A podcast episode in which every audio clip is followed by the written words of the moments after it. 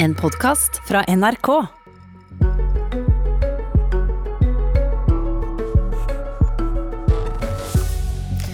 Trodde du det var forbudt å gifte seg med en fetter eller en kusine? Tro om igjen, debatten har bare pågått i noen tiår. Og nå har Høyre endelig bestemt seg, i hvert fall programkomiteen, for at et forbud, det bør innføres. Ja, burde det være forbudt eh, at en fetter og kusine gifter seg med hverandre? I mer enn 20 år har vi visst at eh, risikoen for dødfødsler er mer enn 50% høyere dersom foreldrene er i nær slekt. Og hvorfor er det først nå at programkomiteen i Høyre går inn for et forbud? Sandra Bruflot, du sitter i den komiteen, du er dessuten leder i Unge Høyre. Ja, Det er et godt spørsmål. Jeg satt ikke der verken forrige gang eller gangen før det. men eh, så Det er litt vanskelig å svare på hvorfor de ikke har gjort det eh, tidligere. Men nå har i hvert fall programkomiteen enstemmig gått inn for et eh, forbud. Og hvorfor det? Ja, det er jo, Du var jo så vidt innom de helsemessige konsekvensene. Men i tillegg så mener vi at et forbud vil være med på å forhindre negativ sosial kontroll. Og at det også er en grunn til å innføre et forbud mot søskenbarnekteskap. Hvordan da? Nei, sosial altså, kontroll, altså ja, Negativ sosial kontroll. Eh, det at du prøver å eh, rett og slett styre andre menneskers liv. Vi vet at det skjer i dag.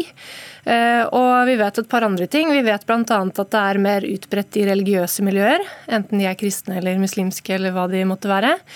Og vi vet at negativ sosial kontroll er mer utbredt i patriarkalske kulturer. altså Der f.eks.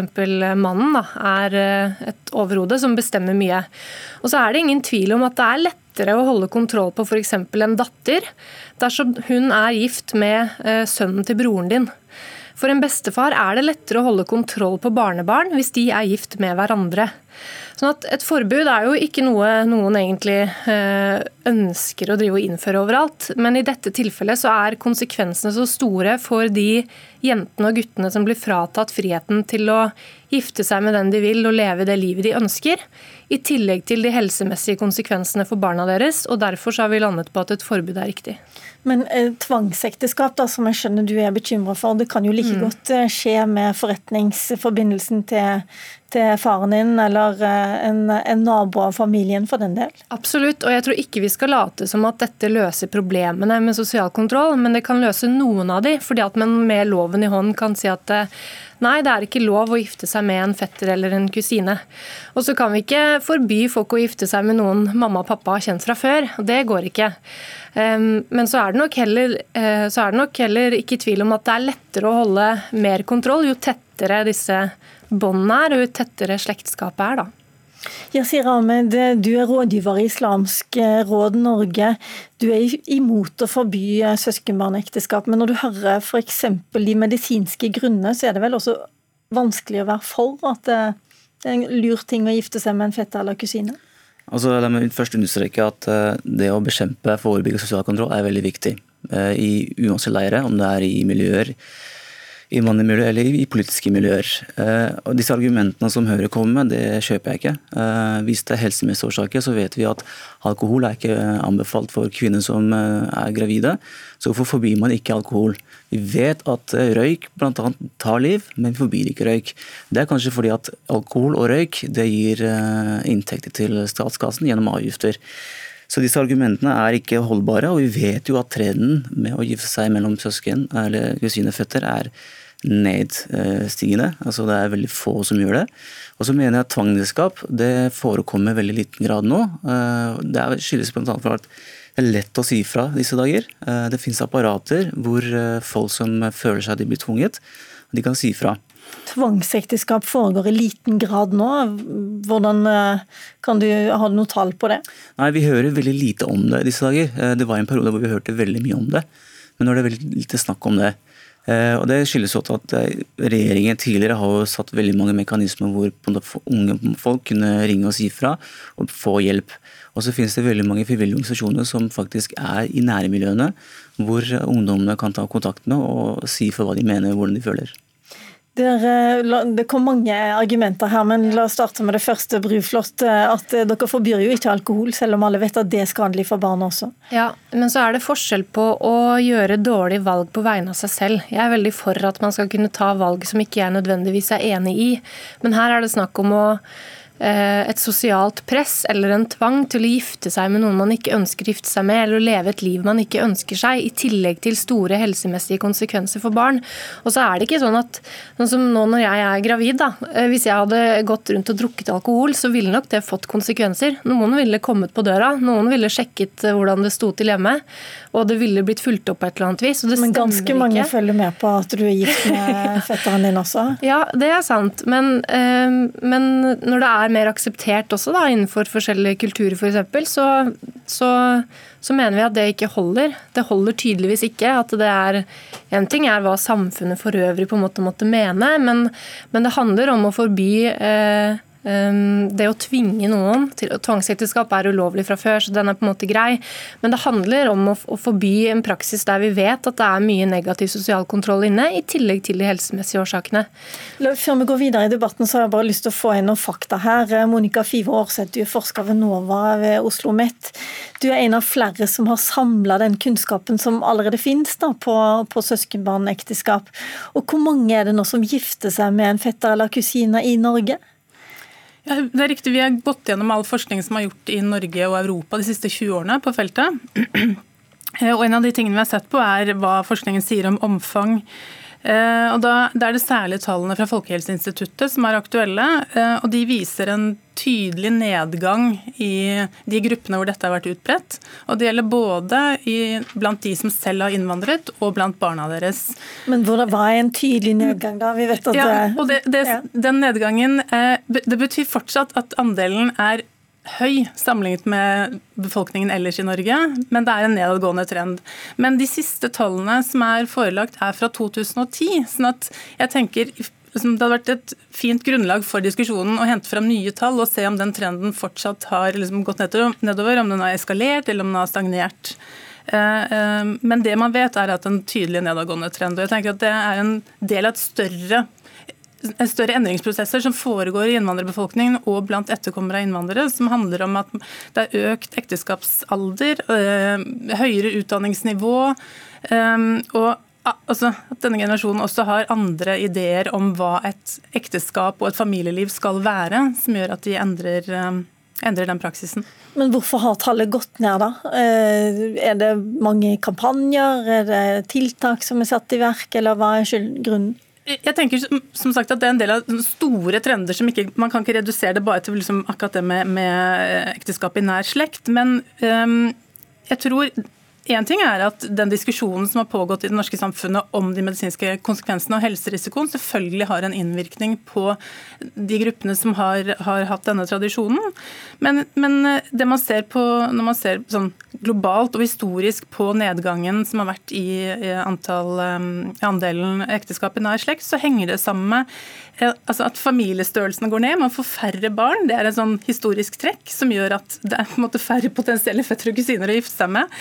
Eh, og også økt utdanningsnivå, særlig blant kvinner. At man går ut og har andre arenaer hvor man møter potensielle ektefeller på.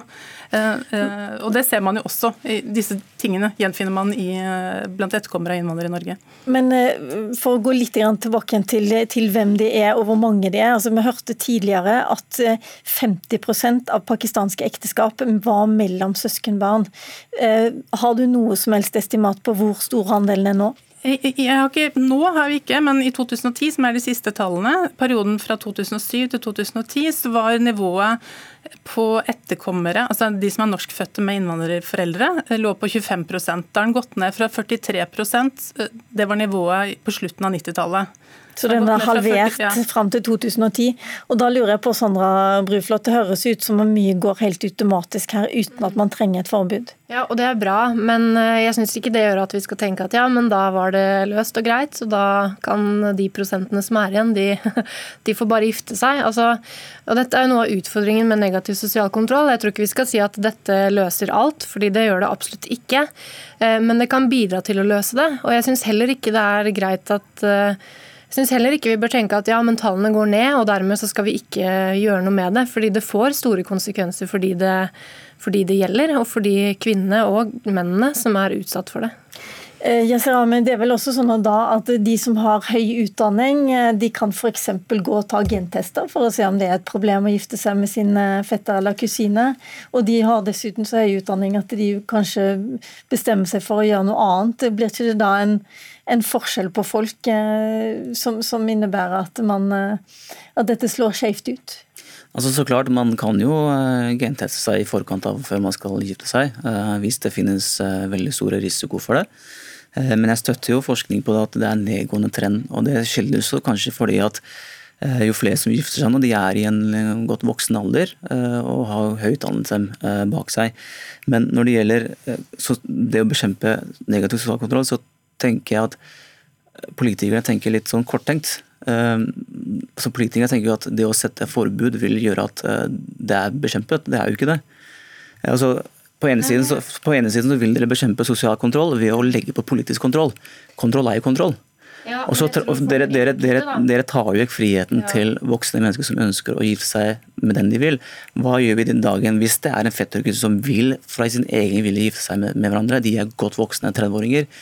Hva ja. gjør vi i den situasjonen der? Ja, men så er det litt sånn, sant? Våre barn de gjør det vi opptrer det til, og det som er forventet fra dem, og det, de, ja, det som er forventet fra dem fra storsamfunnet. Men det er jo ingen barn som er født til å gifte seg med verken den ene eller den andre.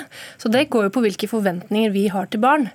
Og så vil jeg si, ja, jeg er ikke enig i premisset om at ja, men, eh, politisk kontroll er det samme som eh, sosial kontroll. fordi For den enkelte så vil jeg nok tro at et forbud, som igjen gir de friheten til å leve det livet de ønsker seg, det er helt klart å foretrekke, framfor å måtte gifte seg med noen de ikke vil. Men altså, hvis man da skal gifte seg, så er det vel kanskje ikke så mye bedre at eh, Sandra Bruflot i Høyre skal bestemme bestemme hvem man gifter seg med, enn at pappa eller mamma bestemmer det? Nei, men det er forskjell på å bestemme hvem du skal gifte deg med, og si at du ikke kan gifte deg med en fetter eller en kusine. Og så er det ikke, Jeg tror ikke vi skal late som heller at uh, selvfølgelig det er kulturelt betinget, men hvorfor er det det? Det handler jo om forventninger, press kultur og hva foreldrene og besteforeldrene dine har gjort.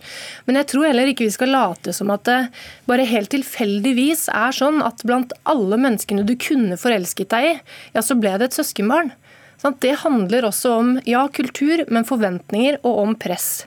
Men jeg bare lurer på, Yasir Ahmed, Tenker du at det er en fin ting å gifte seg med sin kusine eller fetter, eller tenker du bare at dette er fritt valg, eller altså, bør det helst unngås? Ja, jeg, jeg, tenker det er fritt valg. Uh, hvis noen spør meg om ekteskapsrådgivning, og de sier at de skal gifte seg med fetter eller kusine, så si at hvis du vil det, og hvis vedkommende er enig i det, så kjør på. Hvis ikke du vil gifte seg med den personen, så ikke gjør det. Men altså ser du da bort fra det er veldig åpenbare medisinske grunner til at man bør være veldig forsiktig med det? Altså Jeg skal ikke komme med skremselspropaganda for dem som ønsker å dele livet med en de er glad i. Eh, det er en vurdering en må selv ta, eh, og risikoen en selv må ta. Så det, det valget er fritt opp til dem, egentlig. Men du kan gjøre det på hva alkohol har å si for deg selv eller for barna dine. så Det er jo forskjeller på hva man velger å på en måte legge til grunn. Men man kan jo stille spørsmålet tilbake. da. Hvordan skal man forhindre negativ sosial kontroll når man bl.a. opprettholder en kultur eller tradisjoner der man gifter seg med kusiner og fettere, bl.a. for å kunne ha kontroll. Jeg vil for at, ja.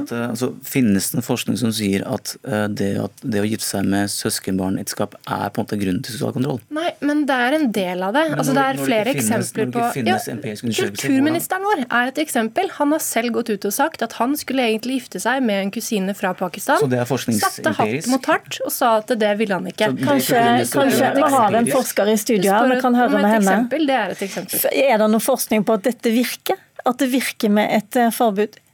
Eh, nå er det få land som har den type forbud som det er snakk om her. altså Et sånn generelt forbud som er hjemlet i ekteskapslovgivningen, hvis det er det som er forslaget. Eh, men det er jo helt klart at tvang og kontroll fortsatt er et stort problem blant flere unge.